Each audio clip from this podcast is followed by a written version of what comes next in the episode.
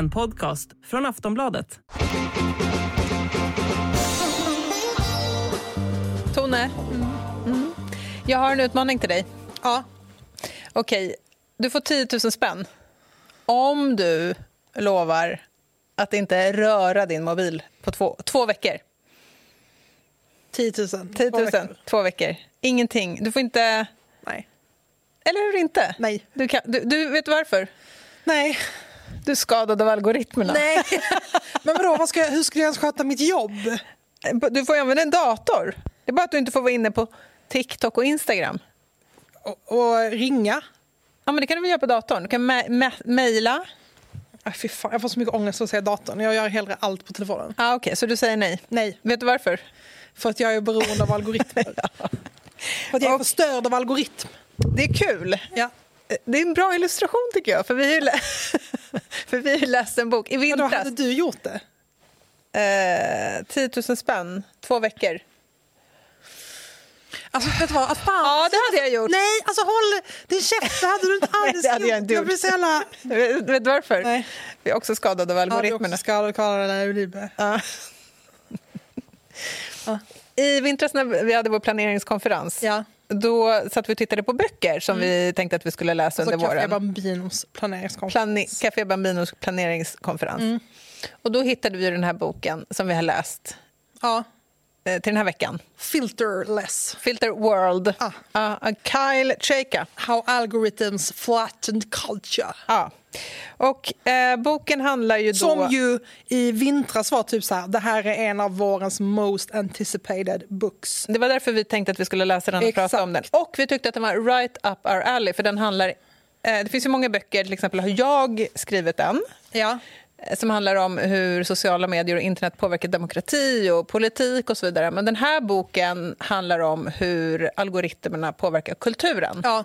Kulturproduktion, kulturkonsumtion lät så himla himla intressant. Liksom, Exakt. verkligen perfekt för oss. Och typ hur kulturen, eller på titeln var man så men hur kulturen blir typ strömlinjeformad. Ja, och då har vi läst den här boken. Mm. Och tesen är ju precis det. Att eh, den här, Det vi sa nu är tesen. det vi sa nu är På tesen. typ 600 sidor.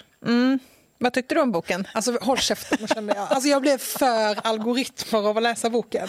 Vad sa du? Jag blev för algoritmer av att läsa boken. Ja, varför? Nej, men för det börjar ju typ så här, förordet är typ det bästa i hela boken. Och så är man helt så oh my god, nu kommer det komma något nytt spännande tänk om algoritm. Sen är det liksom sida upp och sida ner som är typ så här.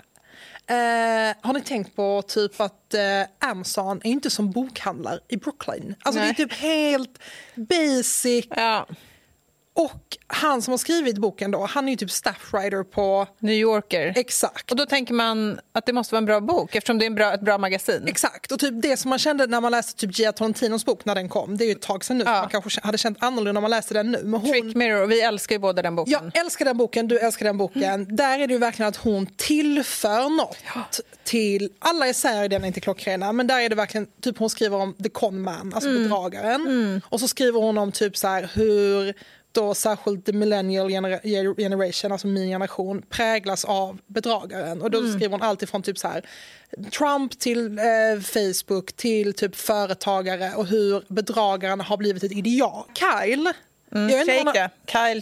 Tje- Ja, vet du vad? I want to take this podcast in English so we can send it to him so you can hear the critique. Ja, samma. För att här är det, jag vet inte om man har skrivit på den här boken väldigt, väldigt länge. För det är typ som att alla poänger är typ så inte ens en poäng. Jag skrev ju den här, min bok tillsammans med Martin Gelin, den kom ut 2018. Ja. Om internet är trasigt heter den om någon vill läsa den. Eh, och eh, halva, mer än halva boken är exakt likadan. Det är så här, eh, precis som du säger.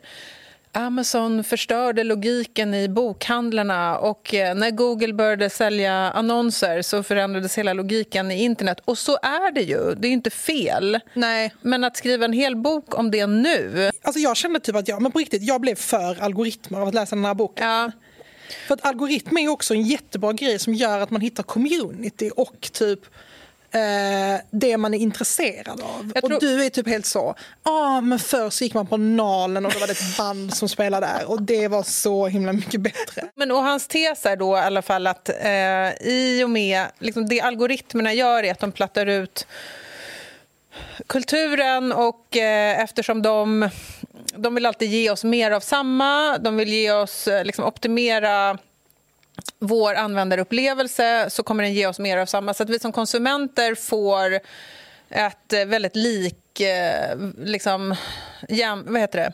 väldigt likt flöde hela tiden. Det ser mm. likadant ut hela tiden.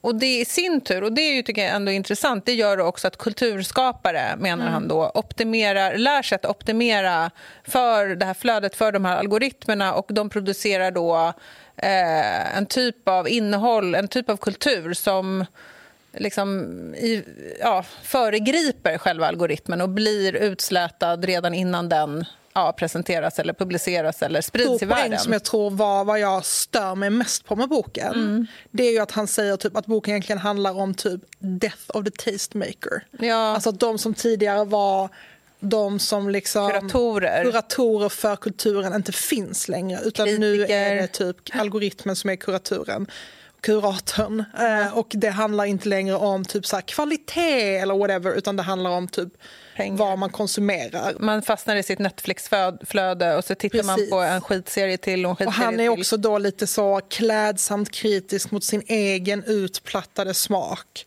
som han är typ så här... Jag vet, fast ändå var han så här i boken, han bara, jag bestämde mig för tidigt för att jag inte helt skulle Eh, liksom. Han bara, I have a friend that tells me about CDs. Ja, men också att han var så här, jag gjorde hela tiden motstånd mot algoritmer. Jag bestämde mig tidigt för att min röst skulle inte vara men, anpassad. Hur vet han ens det? Alltså, nej, hur kan man vara så typ säker så här, på det? Han verkar tro typ att masskultur och mainstream uppstod med algoritm.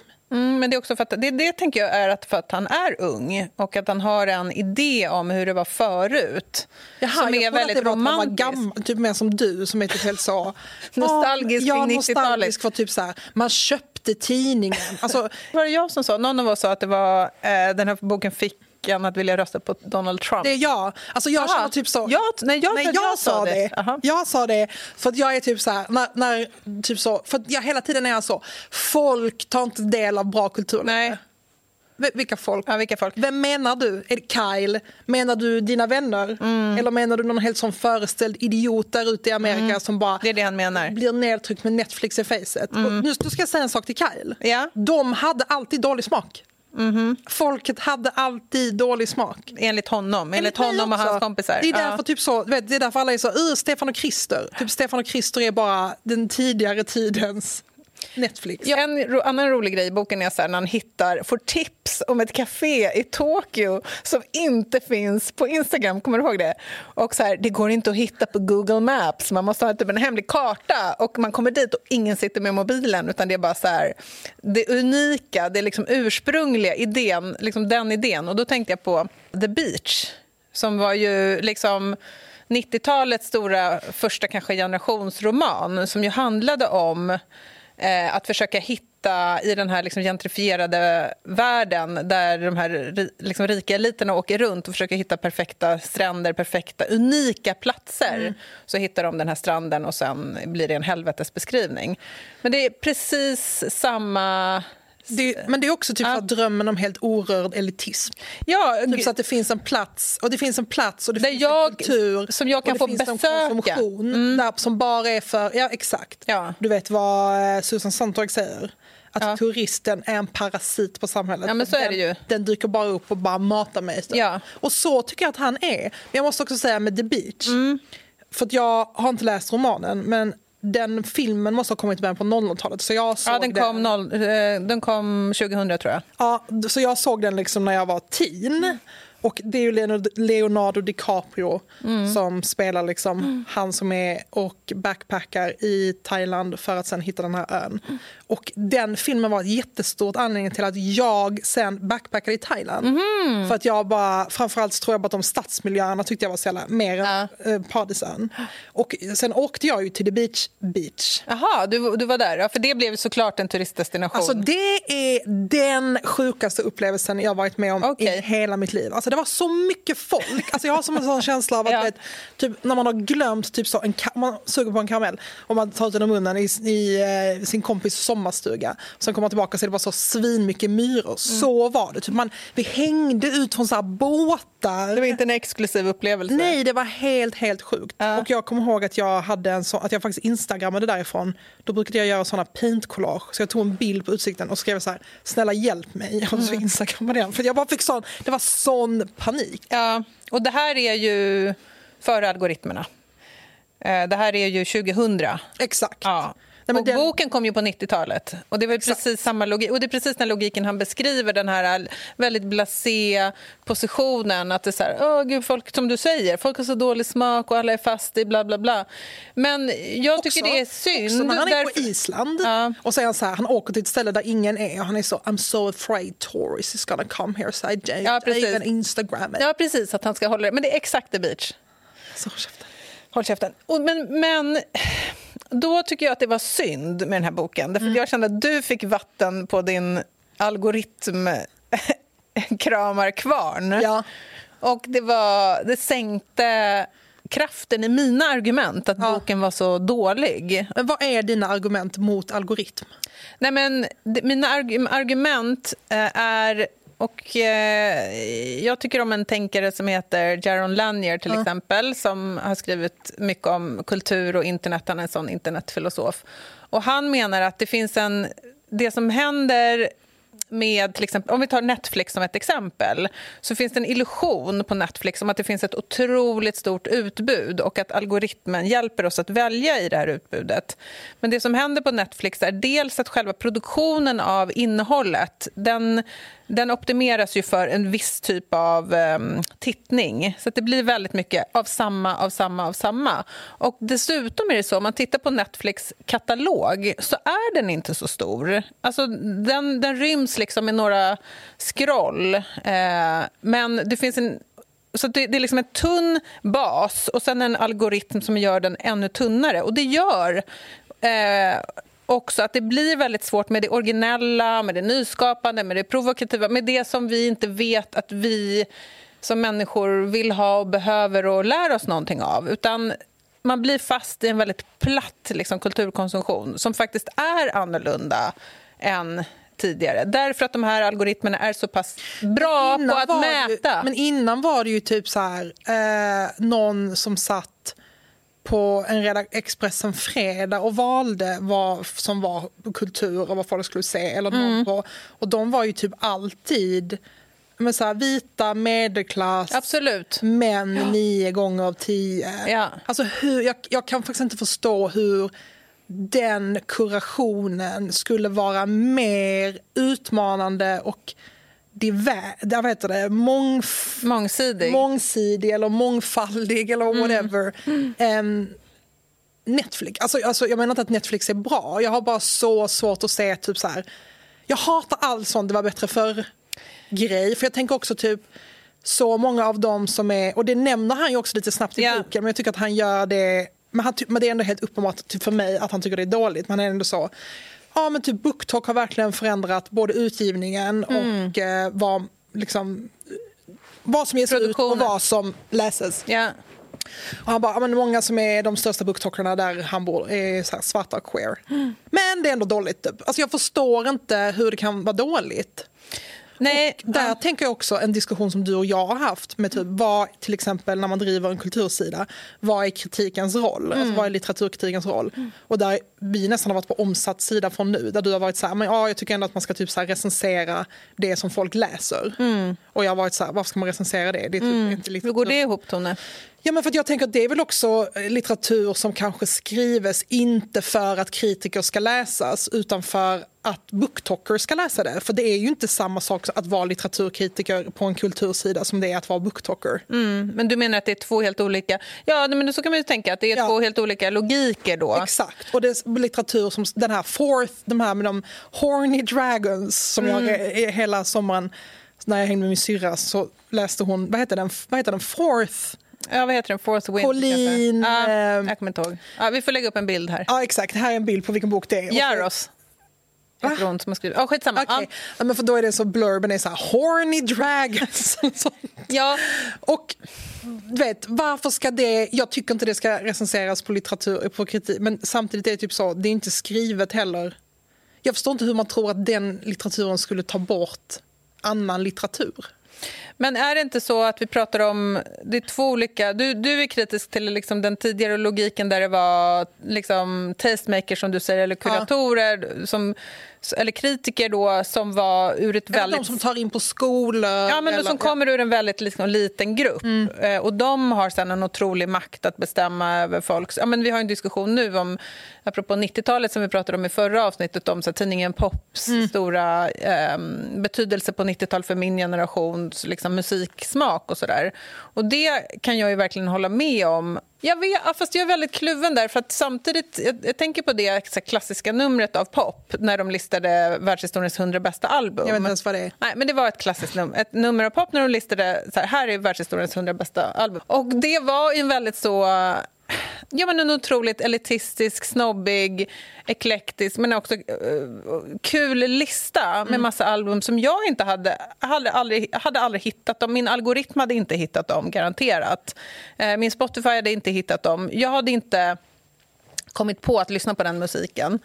Uh, och det... Jag vill säga könsfördelningen på den, de hundra albumen. Albumen är nog helt okej, men däremot könsfördelningen på redaktionen är ju liksom helt sinnes. Men då tror du att de var bra på att välja Ja, men det var mycket soul, det var mycket så liksom, eh, svarta kvinnliga soul ja. liksom, stjärnor och sådär. Så jag, tror, jag, jag kommer inte ihåg, du har säkert rätt. We love our pets, but when the floor is covered in fur, that's harder to love. Eufy X10 Pro Omni Robot Vacuum has powerful 8000 PA suction to make hair vanish from floors in just one pass. Plus, the roller brush has automatic detangling for easy hands-free maintenance. Want to know more? Go to eufy.com. That's EUFY.com and discover X10 Pro Omni, the best in class all-in-one robot vacuum for only $799. Jo, men de två hänger ju ihop. Alltså, det är ju därför till exempel just nu att om man går in på en bokhandel och det är så här Booktalk-hyllan som ju finns mm. på nästan alla bokhandlar så är det, typ, men det är så mycket eh, kvinnliga författare mm. till exempel. Mm. Och jag menar för förlagen är det ett jätte... Alltså för, eh, alla förlag, eller för alla författare, alla kvinnliga författare, typ jag, det är ett problem för mig. Män läser inte kvinnor. Mm. Och typ nu när jag blivit utgiven i England, jag har varit där, så är typ, hon bara, men det allra svåraste är att män inte läser kvinnor överhuvudtaget. Nej. Men om det då är till exempel booktalkers som läser böcker skrivna av kvinnor, som är, de är också skrivna med en målgrupp i huvudet. Mm. Jag, tänker, jag skriver inte litteratur där jag tänker sättet. på en målgrupp. Mm. Men eh, då kanske inte ens det är ett problem längre, för att man kan, kommer ändå kunna försörja sig ändå. Därför att kvinnor... Eller hur då menar för, för du? Kvinnor, book, kvinnliga booktalkers läser en och marknadsför en gentemot den kvinnliga läsaren. Men om det är så här Andres Luco, jag vet inte ens vad de heter. Nej. Alltså, nu säger du att det var bra fördelning på den listan, men jag, det är inte bara problem att redaktionen bara var män, utan det är klart att det också kommer att spegla ja, sig i absolut. vilken musik ja. de valde. Nej, men jag håller med dig i den kritiken, men jag menar bara att det är så här, det, båda de här logikerna har sina problem, ja. tycker jag. Den logiken hade det problemet, att det var eh, väldigt ett liksom den poolen av skribenter var extremt begränsad, väldigt elitistiskt, väldigt liksom, snävt, som du säger, eh, både urval av personer och deras smak, då, eller man ska säga.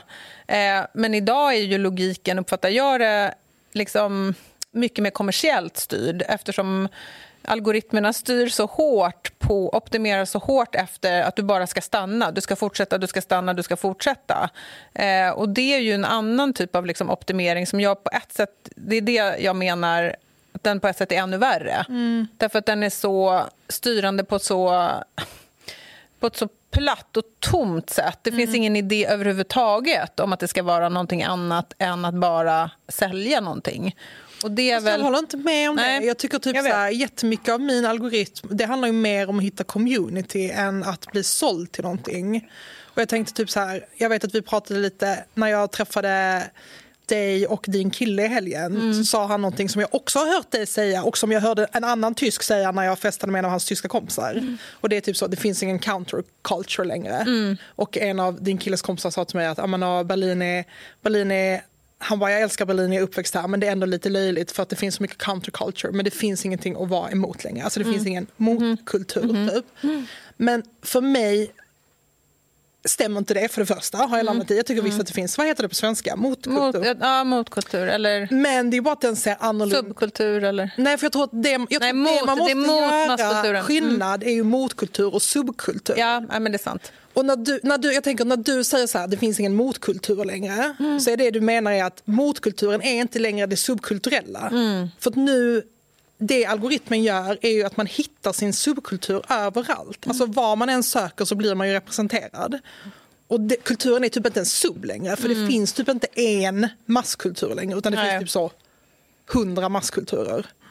Och typ, man läser det finns inte så tidningen Pop som säger här är de hundra bästa skivorna. Utan Nej. det finns så här, det här, eller förstår du vad jag menar? Det finns, en, det finns ingenting att vara sub till och det finns ingenting på det sättet längre. Det är mycket mer diversifierat, divers- diversifierat menar du, att det finns många, många fler olika strömmar där Ja. man befinner sig i sin grupp. Jag läste om det här igår, typ så, the private citizen. Typ. Mm. Att det finns, och det är därför man inte heller hittar typ counterculture online. Mm. Eftersom alla subkulturer upplever sig så stora nu. Mm. Det finns typ ingen motstånd längre. Inom var och en av dem så finns det inget motstånd längre. Mm. Exakt, och typ bara nu när vi satt åt lunch och du bara nej men typ och så visar du någon grej i din algoritm och så är det typ någon som ligger på rygg och hoppar hopprep. Du inte outa eller att det var så här, det här, eller visar någon annan bild att det var så här, det här är ju bra att veta typ hur man mäter med fingrarna hur många centimeter det är. Det har jag aldrig satt i min algoritm. Nej. Utan det är ju verkligen att vi är the private citizen. Ja. Och jag läser ju inte tidning nästan. Mm. Ehm, så det är ju därför det är därför motkultur, eller det är därför du känner att motkultur inte finns längre. Ja. För att det inte finns någon... Det I finns inte min, typ- I min ström så finns det ingen mo- mot... Nej men innan var det typ så här, ja, men tidningen Pop säger det och då kunde man vara emot det eller kunde man vara för det. Mm. Men tidningen Pop som institution eller sådana kulturella institutioner har ingen bäring längre på samma sätt. Nej. Och sen så tycker jag att det är en extrem. Jag tycker visst att det finns det jättemycket. Eller förstår du? Jag tycker fortfarande att det finns människor som verkligen är tastemakers. Kanske, kanske är tastemakers ännu viktigare idag än vad de någonsin har varit. Ja, men jag tror att jag pratar också om en annan logik som är som, är, som han inte får fram alls, tycker jag bra i den här boken, som är att Eh, som en annan internettänkare som heter Cory Doctorow har skrivit om. Och Det är en process, en process som han kallar, en logik som han kallar en shitification. Vad heter det? En shitification, alltså att det blir... En skitifikation. En skit... skitifik, En skitifiering. skitifiering. Ja. Och det är ungefär så här att ehm, för, först om du har en ny eh, plattform Mm. på internet, till exempel Amazon eller Spotify eller Netflix, så är det första eh, den här plattformen vill göra är att skaffa sig en, mång, en masspublik. Mm.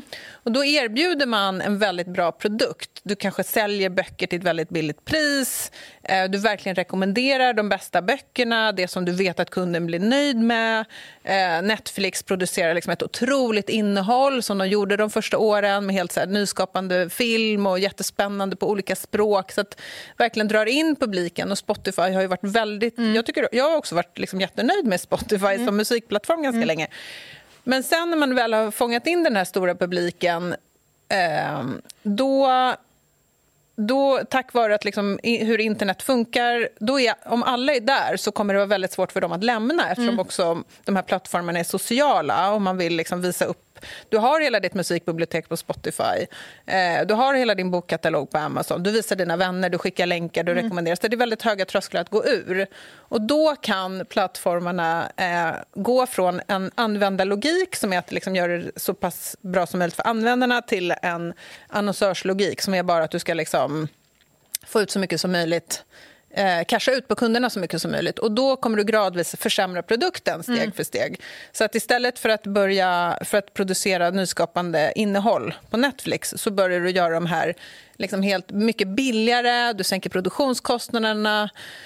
För du vet att folk ändå är där, de kommer fortsätta vara där. Och du, eh, ja, gör liksom, det blir en mycket, mycket sämre produkt. Och jag har den känslan väldigt mycket i mina flöden. Både liksom på Instagram, eh, på Spotify och Netflix orkar jag inte ens med längre för det är så jävla mycket skit bara.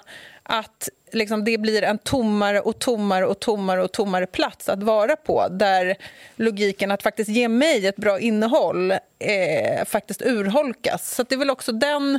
Men jag tycker att han inte liksom kommer åt det riktigt. Nej. Men jag tror att det är en viktig del av den här känslan jag har på internet av att det är bara så jävla mycket skit.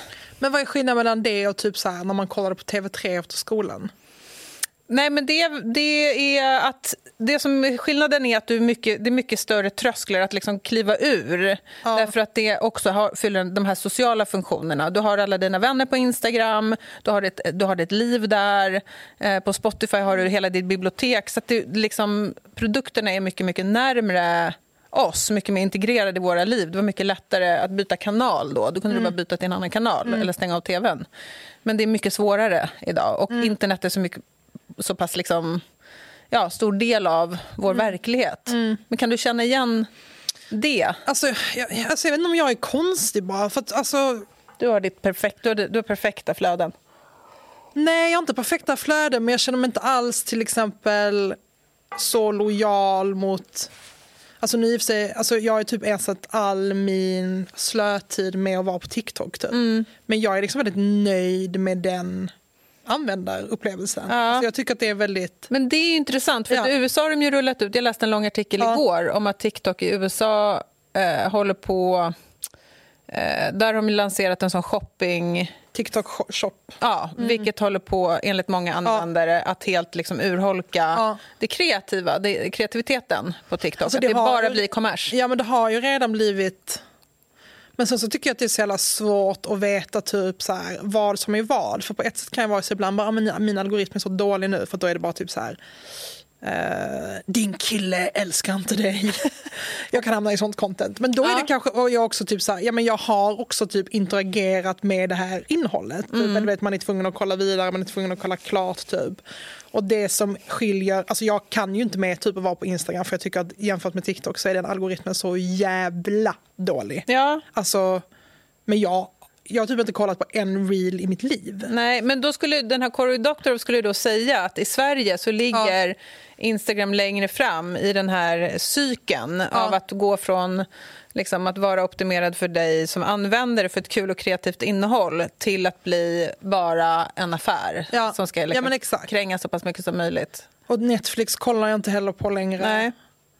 Eh, för att det, jo, men, jo, jo, men jag menar typ så, är vi så, för att jag känner både när jag hör dig och när jag läser den här boken så är det som att vi så får, typ som bara, det är skit och jag njuter inte av det men jag kollar ändå, typ. Jag njuter verkligen av dålig tv, alltså jag har verkligen dålig tv som jag kollar på och njuter av. Men jag har ingen känsla av att jag så går runt och lider eller förstår du vad jag menar? Att det är typ som att det är så här, pratar man om sig själv eller pratar man om någon som man tänker är typ så här, de kommer inte söka upp den riktiga kulturen, de vet inte vad som är bra och Ja. dåligt. Eller förstår du att det är lite så von oben? Ja. Typ. Nej, men jag, jag tror också, alltså folk gillar skit och folk har alltid gillat skit. ja, ja, ja, absolut. Nej, men jag tycker inte att jag är... eh, Liksom Alltså jag en- menar inte dig, jag menar den här boken. Ja, men jag tycker själv att jag fastnar i eh, ett, ett, liksom ett dumskrollande som gör mig till en idiot. Det tycker jag faktiskt. Ja. Jag tycker att jag konsumerar mycket bra kultur också, det pratar Ja. vi om.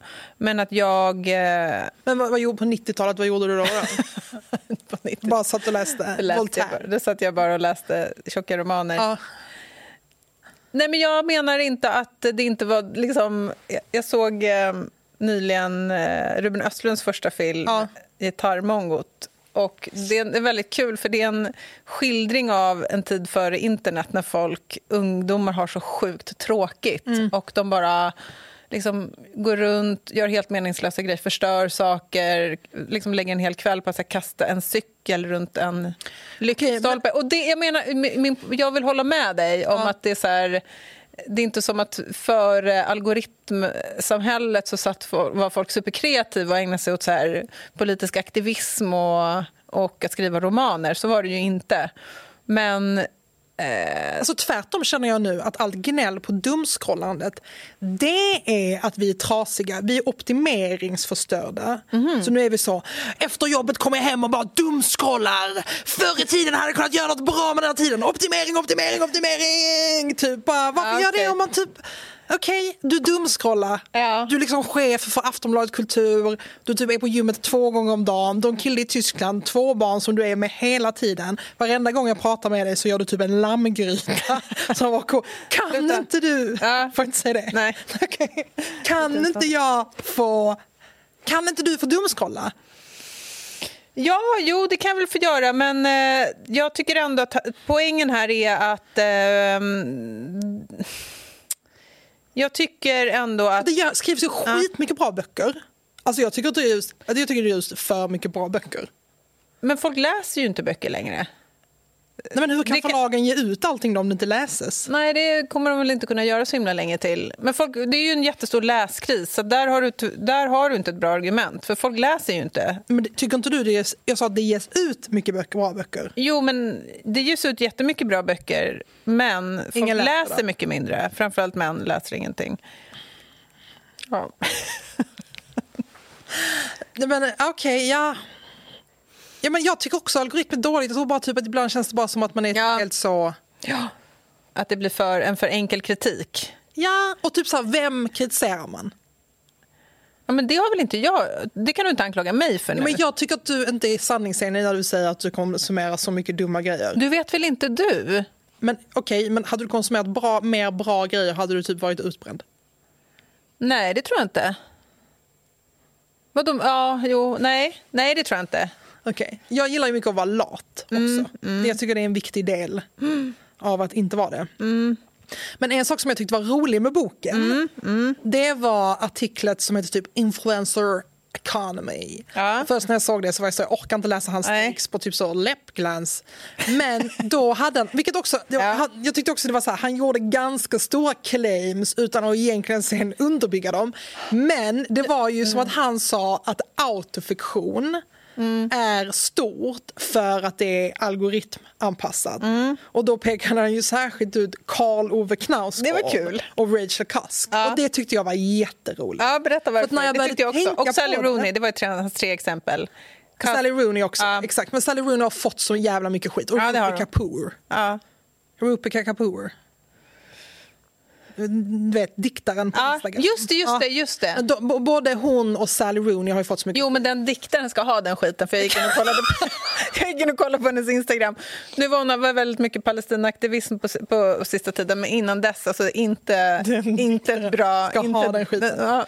Ja, men okej, men du vet, jag bara menar, de två har man hört, men man har ju aldrig hört någon säga typ så här, Karl Ove Knas, Knasgård och Rachel Cusk är eh, Lite Rachel Cusk, tycker jag. Okej, men Ja. misogynt. Okej, Lite egentligen så är det, alla älskar Karl Ove Knausgård. Ja, sluta hålla på med Ja, micken. men det är inte att jag håller på med, jag, jag sparkar. Ja. Men, ehm, jag tyckte det var så jävla roligt för han är ju verkligen the pinnacle av att alla, alla som vill vara smarta och Mm. inte vara, i, inte vara sån algoritmhora som jag är. De är ju typ så Knausgård och Knausgård. Ja. Det bästa med Knausgård var faktiskt hans Hitler-essä, sjätte boken, som Ja. är det absolut sämsta. Ja, men Eh, Kyle, men Kyle, Kyle bara... Men Kyle bara tycker att han är lite...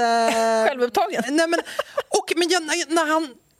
Han väckte bara tanken, han går inte djupare in Nej. vilket är synd tycker jag. Men han Ja. kanske inte har på fötterna, jag vet inte. Men jag, jag fattade ändå vad han menade. Mm, vad tror du han Eftersom- menar då? Jo, men det han menar väl är det här hur han skriver typ att the author is dead. Mm. Typ att nu är man ju bara sin... Alltså, Sin blick på sig själv. Ja, men också typ så här, som jag uppfattade att han menade så var det också typ så här, man är i att marknadsföra Mm. sitt författarskap mer, än att, mer än att vara i sitt skrivande. Mm. Typ. Och även om Knausgård inte är på Instagram Mm. så är det någonting i den spänningen mellan jaget och jaget. Alltså Ja. det intima jaget och jaget i världen. Som, Ja. ju hela, som är hela spänningen med sociala medier överhuvudtaget. Ja, Hela hans bok är ju skriven på det sättet. ja, de första, alltså de självbiografiska Ja, böckerna. exakt, men de som han är känd Ja, för. Han ja. menar ju inte den där måsen-boken. Nej, måsen, alltså morgonstjärna. De böckerna, de senaste. Nej, eh, men, nej, men för det tycker jag har tappats bort. Det kanske inte alls har gjort. Men tänk då, du som hatar autofiktion så mycket, att det Va? verkligen är algoritm. Jag hatar väl inte Att det, autofiktion? jag, det är därför du hatar autofiktion, för att det är så algoritmiskt. Nej, men snälla Tone, jag hatar inte autofiktion. Okej, det är inte vad du sagt till mig. Jag verkligen inte. Jag, jag, så här tycker jag. Är det bra så är det bra. Oh! oh my, en unik och speciell position. Det där, vet, du vad det, vet du vad det där är för position? Algoritmposition. Att man typ inte bedömer saker utifrån några satta estetiska kvaliteter. Va? Man är Tvärtom. Vad jag tycker är bra är bra. Nej, det sa jag inte. Jag sa är det bra, är det bra. Inte, inte om jag tycker att det är bra. Om det är bra så är det bra. Nej, men däremot så tycker jag att det är något... Eh, jag tror absolut att ehm, tack vare eller i kraft av eller på grund av eh, de starka eh, sociala medier-logik som vi lever i nu som handlar så himla mycket om självframställning och självbespeglande och liksom att få respons på den här självframställningen. Det är ju det vi ägnar oss åt i väldigt stor utsträckning. Att det absolut, det gör ju att folk är väldigt intresserade av autofiktion. Därför att man är väldigt nyfiken på hur andra jobbar med den framställningen av jaget. Så jag tycker lite... Eh, jag tycker den liksom kopplingen... Jag tror han har en poäng i att det finns en koppling mellan vår relation till, till teknik, eh, bild och de här flödena och vad vi vill ha för typ av litteratur, vad vi är intresserade av. Ehm, Men säg, säg någon bra grej som inte är på internet. Jag fattar inte ens. jag menar bara att, det speg, att den starka trenden med autofiktion... Ja. Jag håller med Kyle om att det är en konsekvens av vår... Men säg, säg vad som är bra kultur för dig. Ja, men, vad som är bra kultur... Men jag älskar Rachel Cusk, till exempel. Tycker hon är en Ja. otrolig författare. Ja. Tycker inte du det? Jo, jag älskar henne. Ja. Men inte nu så mycket när jag läste vad Kaj Varför skrev. det? Skit i Kyle. Att han var typ så. Du går i, te- du går i fällan. Ah, att det är så. En tastemaker. Nej, vänta lite, vadå? Att han är tastemaker? Ja. Hey, I'm Ryan Reynolds. At Mint Mobile, we like to do the opposite of what Big Wireless does. They charge you a lot, we charge you a little. So naturally, when they announced they'd be raising their prices due to inflation, we decided to deflate our prices due to not hating you. That's right. We're cutting the price of Mint Unlimited from $30 a month to just $15 a month. Give it a try at mintmobile.com slash switch. $45 upfront for three months plus taxes and fees. Promo for new customers for limited time. Unlimited more than 40 gigabytes per month. Slows. Full terms at mintmobile.com. Och han är kritisk mot Rachel Aha, Cusk. aha okej, och så är jag så. Ja, men jag tyckte han hade en poäng för att han var så. Eh, gillar jag bara Rachel Cusk för att det är så mysigt att läsa om hennes hus i London? Och jag kommer ihåg att jag specifikt tyckte det var väldigt mysigt att läsa om hennes hus i London. Ja, men det behöver inte betyda att böckerna är dåliga då, som vi precis sa. Nej, Nej. Men... ehm, gillar du akustisk musik? akust, vad menar du med akustisk? Alltså Eh, klassisk musik till Nej, bara akustisk, när inte det är någon el inblandad. Ja, klassisk musik till exempel. Ja, eller till exempel gitarr. Jag kan inte... Ja, eller nej. Vad Men vad är din lösning då? Alltså för jag känner också typ, jag hade inte, alltså ja, skitsamma, I don't know. Vad är din lösning? Så konstig fråga faktiskt, att jag ska ha en liksom, rakt av en lösning. Du har skrivit en bok som heter Internet är trasigt Ja. och du jobbar med kultur. Ja, och kulturkritikerns privilegium är bara att få sitta och gnälla på hur dåligt allting är här. Annars hade jag hållit på med politik om jag hade haft någon lösning. Ja, men shit alltså. Nej, jag vet faktiskt inte. Men jag tycker att det är intressant. Det är en sak som jag vill fråga dig är eh, om ditt eget ditt skapande, ditt eget skrivande, din egen... För du får ju ofta kritik av folk som är så här, åh du är så bra på att marknadsföra dig själv. Och så är det så här, för jag är ändå intresserad av grundfrågan som är så här, hur påverkas den kreativa, process, kreativa processer Alltså, av att den inte- att relationen till sociala medier, till algoritmer, till den digitala liksom, offentligheten? Men alltså jag tror typ att mitt skrivande blev... Alltså jag började skriva på internet så jävla tidigt. Så att jag tror typ ens att jag skrivit så mycket som jag gör. Alltså jag kände typ när jag började på Biskopssalens författarskola så tyckte jag att det var jättepinsamt att jag hade bloggat och så i så många år. Men sen så förstod jag ganska snabbt bara, gud jag har skrivit så mycket mer än vad många människor hade gjort i min klass. För att jag hade skrivit i den jävla bloggen, eller i något jävla diktforum. Först, Innan bloggen så skrev jag dikter på så olika ja, det fanns ju jättemånga olika, innan typ så här Facebook kom så fanns det jättemånga olika sociala forum. Ehm, där jag så eh, publicerade dikter varje vecka. Och, Lilla Tone. Ja, och verkligen hade sån längtan efter att bli läst typ. Och den kan man ju säga då är, har med internet att göra men det är också varje författares längtan. Annars är man inte författare. Eller så. Ehm, och sen så tror jag, eller jag tycker också att jag är bra på att marknadsföra mig själv. Men det för mig är en annan del av min hjärna. Eller förstår du? Det är som att vara typ så här att jag, när jag undervisar kreativt skrivande, alltså jag tror att allting, när man, allting handlar ju om att typ så här, hur ska jag kunna få så mycket tid och pengar till att skriva som jag bara kan. Typ.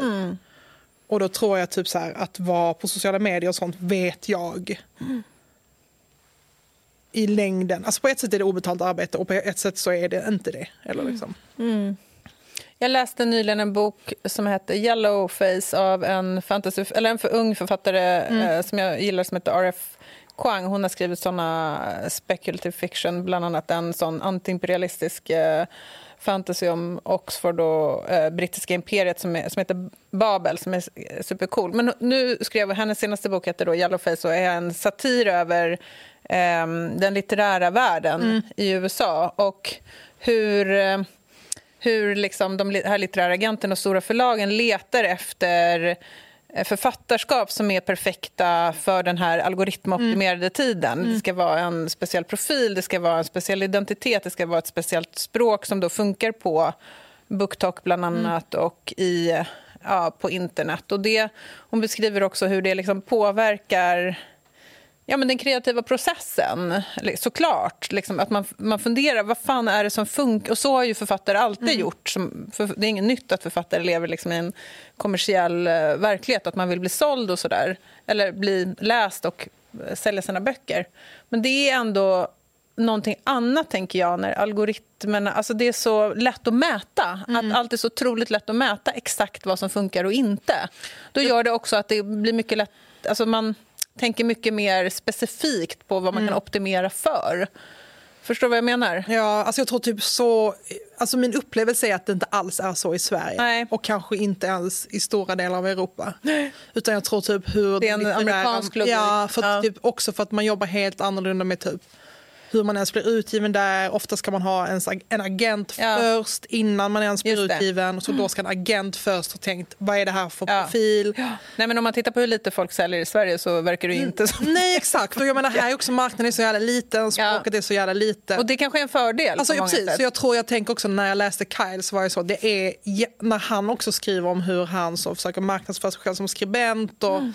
det går inte riktigt faktiskt att översätta till, Marknadens logik är inte så stark, för marknaden här är mycket mindre. den är mycket mindre Mm. och typ Alltså sen så fick jag mitt, min första kultursidetext sålde jag på grund av en Facebook-status jag hade skrivit. Mm. Men det var liksom ingen cynism bakom, eller det var inte en pitch utan Nej. det var bara att jag alltid hade bloggat. Typ. Och mitt första, ja, och min, och min första betalda skrivjobb överhuvudtaget fick jag. Men alltså, om man, jag tror att om man är så marknadsfokuserad som författare, då, är man, då, då tycker jag faktiskt man är dum i huvudet. Och plus man kan inte, alltså ja man kan mäta på ett sätt och på ett sätt så kan man inte mäta. Alltså jag vet hon Colleen Hoover. Jag Colleen. Hoover, ja. Colleen Mm. Det är kul och han har ett citat med henne med i den här boken där hon är typ helt så att hon läser andra böcker och gråter och bara de här är mycket bättre än Ja, just det. Förlåt. Och jag säger, Förlåt, typ, förlåt jag- att jag säljer så mycket. Ja, men förlåt, jag fattar inte hur jag kan sälja så mycket. För jag tror typ så här, ja man kan vara så, metrics and bla bla hur mycket som helst. Mm. Och sen så finns det en ytterligare en faktor där man faktiskt inte kan förutse, för det skriver han ju också om, förlagen blir ofta förvånade vilka böcker det är Mm. som, som skjuter iväg. Liksom. Så det går, jag tror typ om man försöker, om man, om man som kulturutövare eller kreativ eller skribent eller journalist eller whatever går in och försöker beräkna det på förhand, då tror jag det är lika stor chans att man misslyckas som att man inte gör det. typ. För att man är också, det är också skithemskt att typ läsa alla de böckerna som kom efter Twilight. Ja, Eller alla de böckerna som kom efter Harry Potter som bara ska vara så här... För det är det som är hemskt med algoritmer. Ja, man cravar the same, men man vill också alltid ha något nytt. Ja, precis. Nej, men jag funderade på den kritiken eller den diskussionen som du och jag har haft eh, om eh, den här, det att vi på Aftonbladet Kul- Kultur vill försöka närma oss eller recensera också en del av den litteraturen som brukar kallas genrelitteratur som är i, mer i den här liksom marknadstillvända liksom, delen. Och Det är väl det som är din kritik. att Varför ska man då liksom använda den här liksom, kri- eh, klassiska kritiken på böcker som är framtagna mer för en kommersiell logik? Då? Men det, jag tycker också att det blir... li- För jag tänk, nu tänkte jag på den här författaren, då, R.F. Kuang, till exempel. Hon hon är ju en sån författare som är liksom, ligger väldigt intressant där mittemellan. Som är så här, hon förstår den kommersiella logiken, men hon är en väldigt intressant författare. Ja. Och hon, eh, hennes författarskap tycker jag att man ska, eh, som en kultursida, måste liksom försöka förstå vad är det För det säger också någonting om eh, kulturskapande och kulturkonsumtion idag. Och att liksom inte förhålla sig till det överhuvudtaget tycker jag blir väldigt insulärt och instängt. Ja, men då är det ju att du säger att ja, men det här är en författare som har en litterär, litterär kvalitet. Ja, det har Inte de. bara en kvalitet Och idémässig. Och, ja. Ja, ja, men det tänker är. alltid en litterär. Ja, det är en det typ en kvalitet. annan kvalitet som är Ja. då det mer en kommersiell kvalitet. Eller typ Precis, men jag tror inte heller... Men jag tror att vi egentligen... Jag vet inte om vi tycker lika, men det är inte som att, så här, all, att man... Jag tror inte att författarskap, och så har det inte sett ut genom litteraturhistorien, i, i den ena eller andra... Det finns ju absolut för, stora författarskap som surfar över... Absolut, men, men vad jag uppfattar det som när man pratar om så här booktalk eller bla bla, då pratar man ju om, det är ju kiosklitteratur. Ja, men hon är ju till exempel jättestor på BookTok. Ja, men jag menar inte att allt... På, jag, menar, ut- jag menar till exempel för. Caroline Ho- Hov- Hoover. Hoover. Ja. Men jag tänker också, jag menar inte att man inte ska skriva om den litteraturen alls. Men ska man skriva kritik? Alltså finns det inte andra sätt att hitta? Jo, men det gör det säkert. kritikens, alltså jag börjar tycka typ så kritik är helt onödigt. Ja, men man kan skriva om det på ett annat sätt. Man kan Ja. skriva om det som ett fenomen. Men ibland kan, ju också förtjäna, Ja. kan man ju också Ja. göra det. Ja. Ja, men man behöver inte vara så anal med det där kanske. Nej. Och det var väl det. Typ som vi skriver hela tiden om typ reality-tv på kultursidan. Men det är Ja. inte som att vi sätter oss ner och gör typ så en filmrecension Recension. eller typ så en, Nej. som vi gör av en tv-serie. Men jag tror att min ganska kritiska eh, hållning... Jag tror också att den kommer delvis från... Dels är det den här enorma åldersskillnaden mellan oss. Men- 25 år. Ja, 30-35 år. Ja. Men sen är det ju också hur jag har sett hur ehm, den här sociala medielogiken har påverkat journalistiken. Ja. Och där tycker jag att det finns väldigt eh, liksom, destruktiva loopar mellan en liksom, klickoptimering eller en eh, optimering för läsande i sociala medier som också drar in journalistiken och faktiskt gör den sämre. Och det, så jag är väldigt liksom, präglad på det och också på hur det påverkar politiken. Alltså jag tror att jag inser Förstår vad jag menar? pratar om det här. Ja. Och jag, har liksom, jag minns när jag satt på en dator, alltså jag minns när jag loggade in på internet första gången. Ja. Men jag inser att jag har liksom ingen riktig... relation till pre... Nej, jag har inte det. Liksom. Nej. Alltså då var jag, det var innan 10, 0 till 10 typ. Ja, men det, då har du ju inte det som Nej. en vuxen. Och jag menar, det är inte som att allting så snabbt heller, det är inte det Nej. jag menar. Men typ, jag, jag vet ingenting om journalistiken innan. Nej. När du säger att du saknar subkulturen på 90-talet så saknar du egentligen bara att vara på en kul fest. Mm, delvis saknar jag att vara på en kul fest och vara ung. Nej, jag skojar. men, Nej, men jag saknar, tror jag, också... För att det fanns en relation mellan centrum och periferi Mm. som var annorlunda. Och Det gick att liksom påverka centrum Ja. genom att ha en stark eh, kanske motkultur. Eller, Ja. eller det, liksom det uppstod något väldigt spännande i den där kontrasten. Man tänkte till exempel, det här läste jag om när jag läste om motkultur nu, typ Black Lives Matter. Ja. Lyckades ju med det. ja, men det är ju väldigt ovanligt. Exakt. Ja. Och nu känns det idag, om du tittar på klimatrörelsen till Ja. exempel, som en motkultur, den känns ju helt... Och det är det kanske jag menar också, att den känns liksom helt marginaliserad. Och det är för att den typen av aktivism, den typen av ehm, aktivitet, eller den Ja. typen av... Det fin, den, den fungerar inte i, den, i algoritmernas logik. Alltså, algoritmerna är inte gjorda för aktivism, de är inte gjorda för organisering. Ja, nej, men det finns någonting där nu som är, som är jättestort Ja. med, i relation till eh, Också kriget på. Gaza. Vad sa du? Också antiimperialism. Ja, Ja, ja, men så är det. Vi är i alla fall överens om att det var en dålig bok. Ja, usch. Okej, här är min poäng. Ja. Eh, den här boken Ja. är ett exempel, en illustration på sin egen tes. Ah, Ah, Okej. därför att den eh, är platt, alltså den är algoritmoptimerad på det sämsta tänkbara sätt. Verkligen. Oh, Men tycker nej. inte du inte det var snyggt? Jo. Tycker inte knöt ihop det snyggt? Jo, men jag tycker också att det är en poäng mot Nej. mot det han längtar efter. Ja. För att det är tastemakers som lyfter, vi fram lyfter fram den här. Ja, men en nivå till. Ja. Kyle beskriver ju i boken hur han kom fram som författare genom att optimera sina budskap perfekt för de sociala plattformarna. Ris! Nu har han gjort det igen. Vad sa du? Nu har han gjort det igen. Ja, han har gjort det igen. Fuck you Kyle. Fuck you, Kyle. Du har lyssnat på en podcast från Aftonbladet. Ansvarig utgivare är Lena K Samuelsson.